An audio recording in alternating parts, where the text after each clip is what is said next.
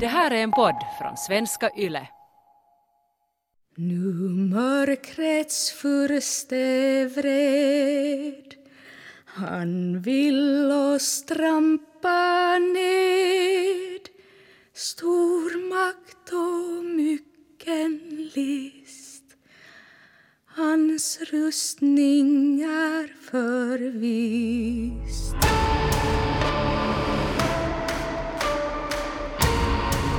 Du lyssnar på andra delen av krimpodden Satans häxa, mordet på barnmorskan Malin Matsdotter, also known as Rumpare-Malin. I det här avsnittet bekantar vi oss med Malin och hennes kåta man och dyker in i den mörka tid hon lever i, en tid av skräck och kvinnohat. Saga Sarkola berättar.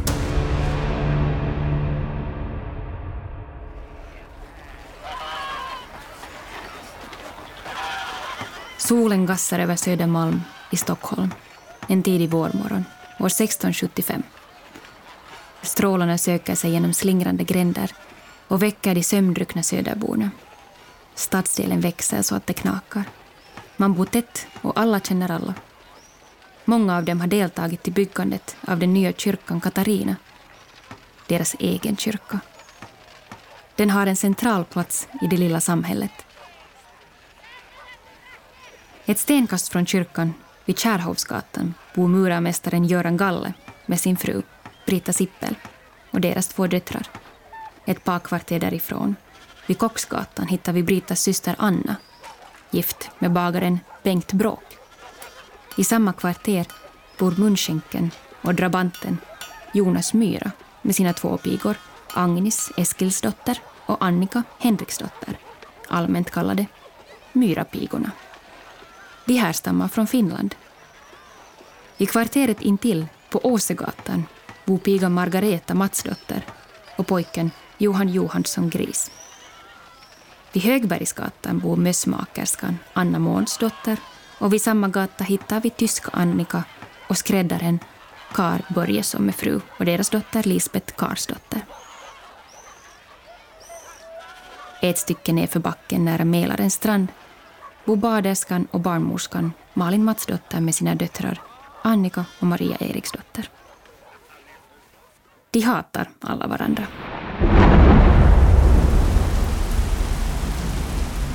Om ett drygt år kommer 14 av invånarna på Söder att dö en plågsam död. De sänds till döden av sina grannar och familjemedlemmar. En av dem bränns levande, Malin Matsdotter.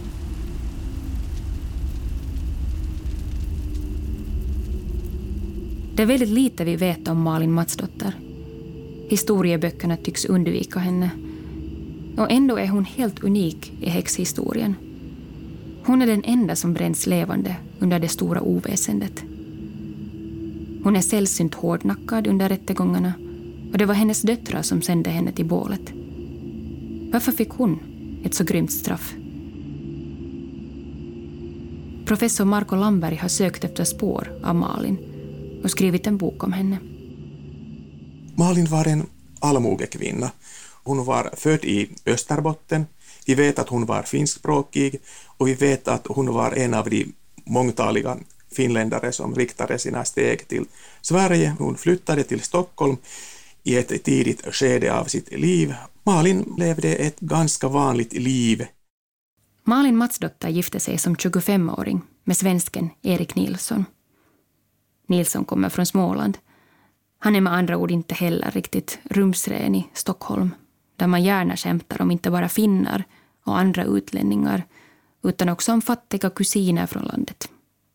Framförallt gör man sig lustig över hur finnar talar svenska. Vad jag har velat framhäva är också etnicitetens betydelse och i Malins fall den finska bakgrundens betydelse eftersom det är något sådant som den tidigare forskningen har förbigått helt. Det var alltså lättare att fästa misstankar på sådana som inte hade en helt samma bakgrund som den stora majoriteten. Erik är betydligt äldre än Malin. Han jobbar som tråddragare Paret bor först utanför Stockholm. Men när de flyttar till Stockholm och Södermalm jobbar Erik som stadsvakt. En mycket respekterad funktion i samhället. Han håller ordning på slöddret i Södermalm och ser till att brandsäkerheten i stadsdelen funkar. Malin jobbar både som baderska och barnmorska. Hon har en liten bastu vid foten av Marieberget nedanför bastugränd och fungerar vid behov som barnmorska åt bekanta. Hon var till exempel jordemor åt bagarfrun Anna Sippel som delade Malins öde när bålen i Stockholm tändes. Malin är nonstop gravid. Hon föder 15 barn, men bara två av barnen överlever. Flickorna Annika och Maria. Familjen Nilsson Matsdotter bor i ett hus med tillhörande fäbod. Stockholm och Södermalm är inne i en urbaniseringsfas. Det är nu vanligt att man har kor, getter och andra djur på gården. På Malins och Eriks gård finns det kor. Tyvärr, kan man säga. För med dem börjar Malins fall.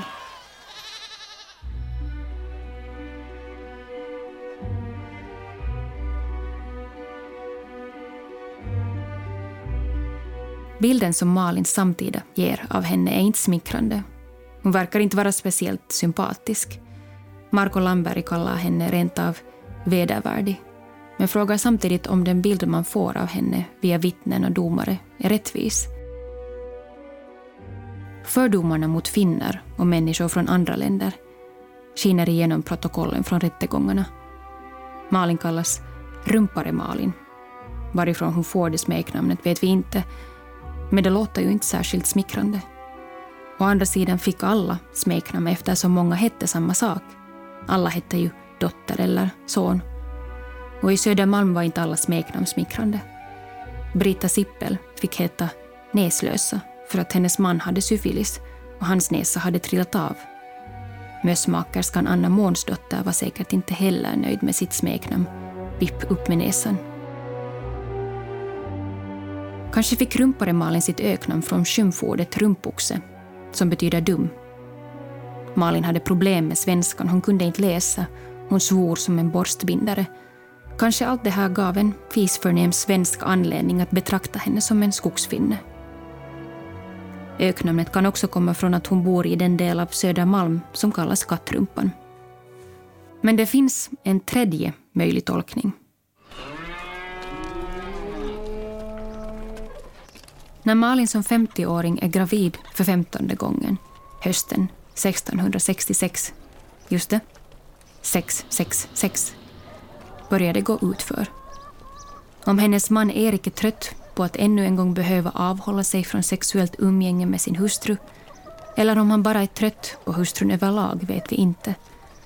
Men hans uppmärksamhet riktas nu, inte mot andra kvinnor, utan mot hemmets kor. Erik och Malin har tre kor. Erik kastar begärliga blickar på en av dem. Han vet att det är strängt förbjudet men han ger ändå utlopp för sina begär. Tidelaget pågår i över ett år. Erik glömmer att vara försiktig och en dag ser hans äldre dotter Annika, då 13 år, hur han kommer ut ur bastun med en pall i handen och ställer sig bakom kon. Han sätter sig inte på pallen, utan stiger upp på den. Annika vet vad som pågår. Hon har sett det på gården. Hon har sett hur tuppen bestiger hönan. Annika berättar för lilla syster Maria, då 11 år. Maria vill förstås också se och så blir hon också vittne till brottet. Men de berättar inte åt modern. Månaderna går och Erik håller på, ibland tre gånger om dagen. Han besväras av sitt samvete och det faktum att kon börjar bete sig besynnerligt.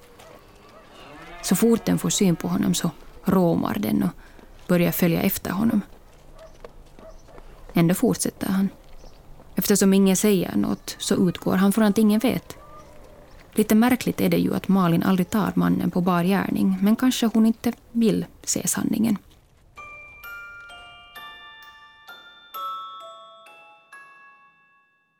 Erik förändras. Han blir allt dystrare.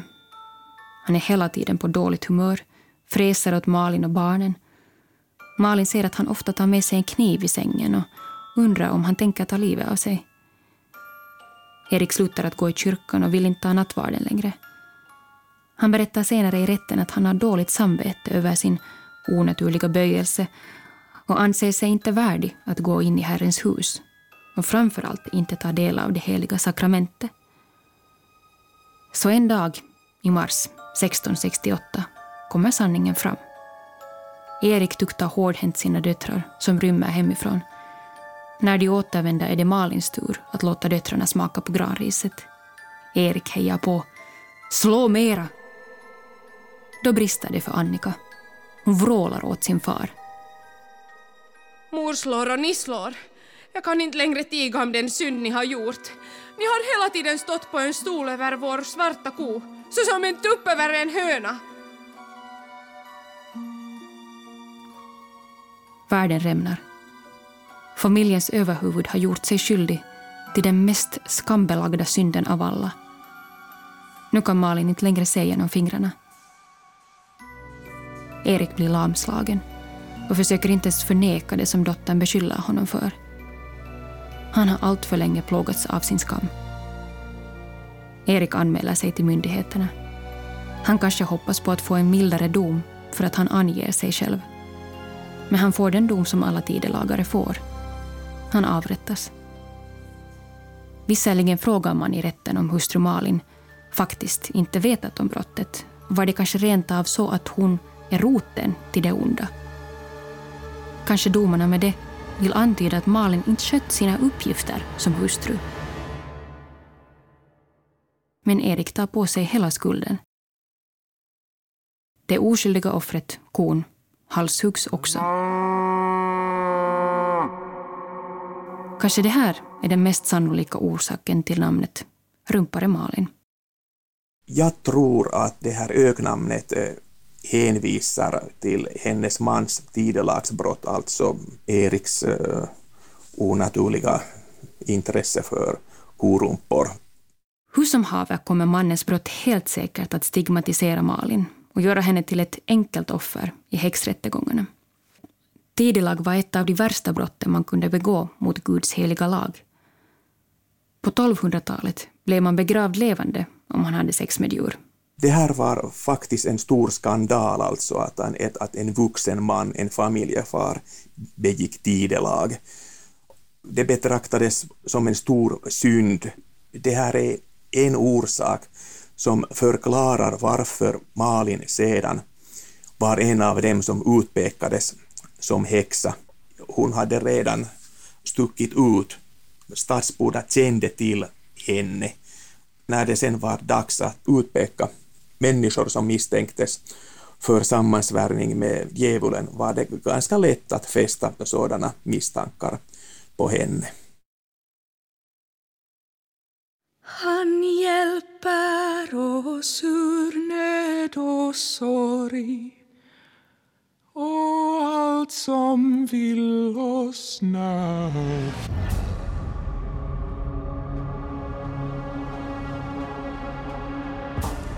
Vad är det som gör tiden så mörk och tröstlös att man bränner folk på bål? Den andliga strängheten är outhärdlig på 1600-talet. I predikstolen är det rädsla man strör över församlingen. Luther skrämmer upp folket och sprider mörker. Världen är fullt av djävlar som ingen annan vilja har än att vid varje ögonblick bryta nacken av var och en. Djävlarna är runt omkring dig de flyger i luften som kajor och kråkor och skjuter ständigt efter dig. Martin Luthers muntra ord i sin Huspostilla. En bok som låg på varje människas nattduksbord. Utom Malins. Hon kan inte läsa och är helt uppenbart inte speciellt religiös. Tyvärr, för bättre kunskap i tidens religiösa krav skulle ha hjälpt henne när hon senare ställdes framför domaren. Huspostillan beskriver bra vilken anda det råder på 1500 och 1600-talen. Skräckens århundraden, som tiden kallats. Luther och reformationen har gjort helvetesläran dominerande i kyrkorna. Djävulen är i högsta grad konkret. Han finns överallt och hans fokus är att förinta goda kristna människor. Satan, djävulen, Hinhåle, den fule, den onde, den elake, den lede, hin onde, Belsebub, Liotan, mörkrets furste, Lucifer, Fan. Kärt barn har många namn. I det här fallet betyder kärt alltid närvarande. Luther lär folket att alltid snegla över axeln, att alltid vara beredd på anfall. Alla är skiträdda hela tiden. Det är en brytningsperiod mellan medeltid och nutid och världen är upp och ner. Städerna växer. Den gamla bygemenskapen bryts upp.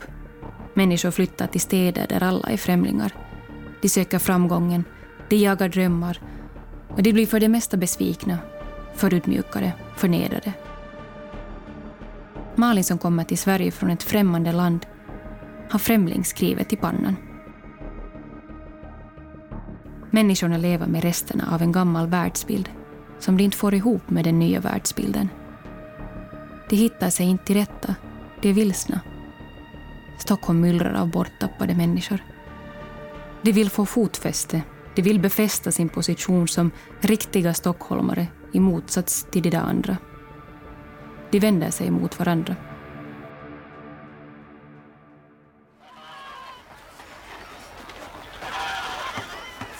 Många av de borttappade söker sig till Södermalm, stadsdelen på berget vid Mosebacke, där också Malin bor.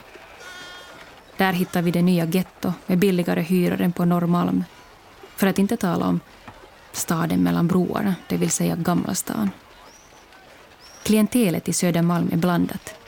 Där finns smeder, åkare, hantverkare, arbetslösa sjömän, avdankade soldater, änkor, finnar, tyskar, tjuvar, fyllorna, faktiskt grevinnan Ebba de la Gardie. Hon bor lite avsides i ett palats. Hon har valt Södermalm för den friska luftens skull. Nere bland träkåkarna, i kåkstaden, där resten av Södermalmsborna bor, är luften inte frisk. Där är det ovänligt, trångt, smutsigt och mörkt. Bokstavligen mörkt. På nätterna, när de onda andarna sveper runt knutarna, finns det ingen belysning. Det är beckmörkt. Invånarna i kåkstaden är konstant i luven på varandra. Gammalt groll, skvaller, illvilja, avund, skulder, rykten. Här fightas det i gränderna och grälas i kyrkan. Man hotar varandra med kniv, spottar på varandra, lägger krokben för varandra. Söderborna bråkar faktiskt så mycket att de får en helt egen domstol. Södra Kämnärsrätten. Där träffas de ofta. Där ska de också träffas om några år i betydligt allvarliga ärenden. Där ska en stor del av dem dömas till döden. Och de har ingen som försvarar dem. Rättssystemet under 1600-talet i Sverige var ingalunda godtyckligt, utan varje mål rannsakades egentligen ganska grundligt. Men de anklagade fick försvara sig på egen hand. De fick inga jurister, inga advokater, inga försvarsadvokater som skulle ha försvarat dem. De var alltså helt beroende av sin personliga förmåga att bemöta anklagelserna. Och sen om vi tänker på Malin, att hon hade finska som modersmål, och det, det, det framkommer också att, att hon inte alltid kunde presentera sig så bra på svenska. Så hon var i underläge från i första början. Säger Marko Lamberg, som skrivit boken Häxmorden. Som ni kommer att få höra skötte Malin sitt försvar i de kommande rättegångarna uselt.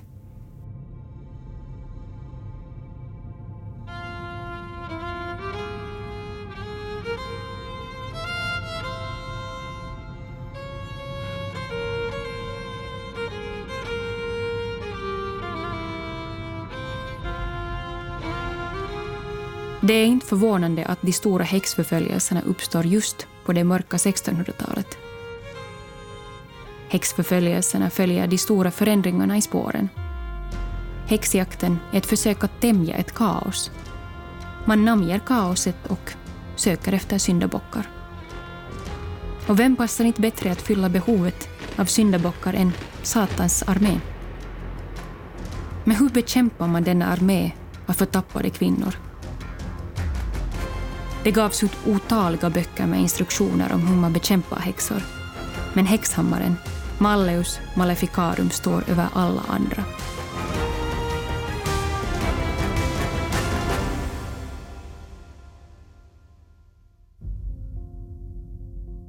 Häxhammaren skrevs år 1487 av dominikanermunkarna och inkvisitorerna Heinrich Institoris Kramer och Jakob Sprenger. Det var ett katolskt projekt, men protestanterna förde häxlitteraturen till en ny nivå. Häxhammaren blev en kioskvältare, en bestseller utan like.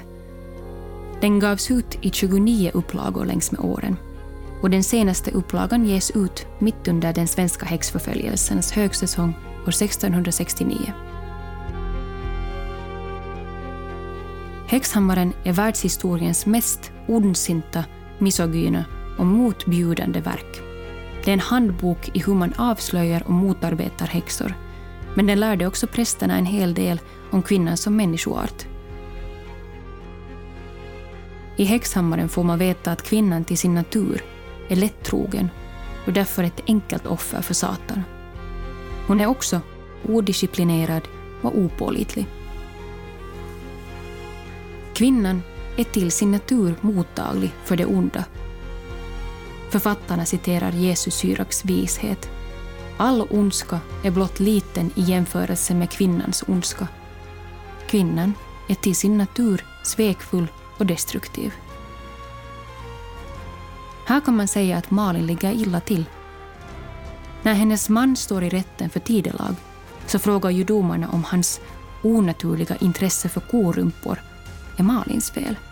Den onda, destruktiva och svekfulla kvinnans fel. Och i rätten ger Malin minsann prov på ett odisciplinerat beteende. Kvinnan är också, just det, till sin natur, liderlig. Sexuell lust och häxeri går hand i hand. Kvinnor använder sina kötsliga lustar till att snärja godtroende oskyldiga män. Sammanfattar Heinrich Institoris Kramer och Jakob Sprenger och avslutar Häxorna förtjänar de hårdaste straffen av alla brottslingar i världen. Och Malin, ja, hon kommer att få det hårdaste straffet av alla.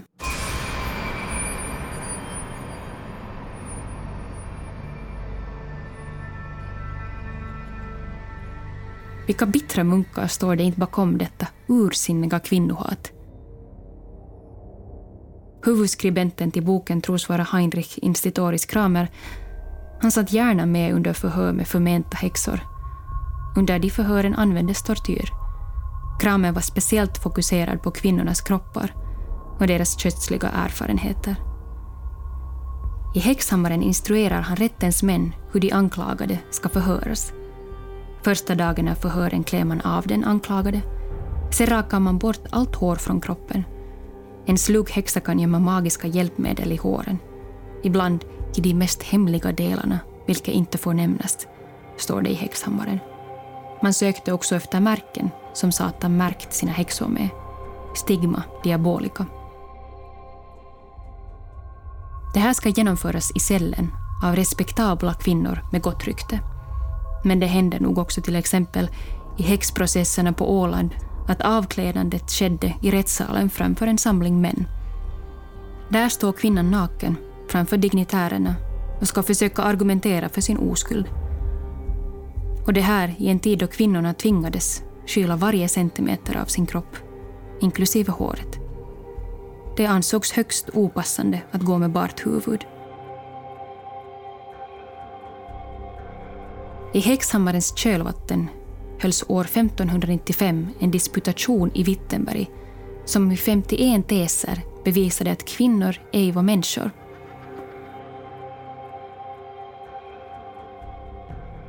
Häxhammarens råd och instruktioner kommer väl till pass för nu bultar häxpaniken på Stockholms portar.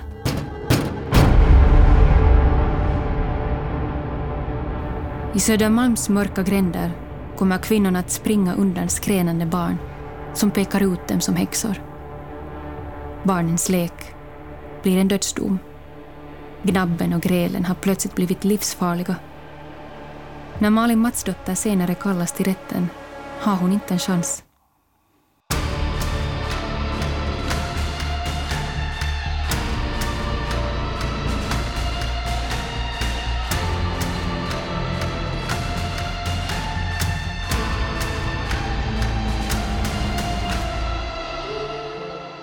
Du har hört den andra delen av krimpodden Satans häxa, mordet på barnmorskan Malin Matsdotter.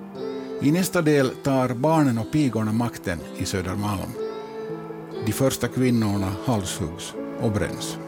Om jag vill kommer det bara att finnas tre kvinnor kvar i den här stan innan allt sammans är över.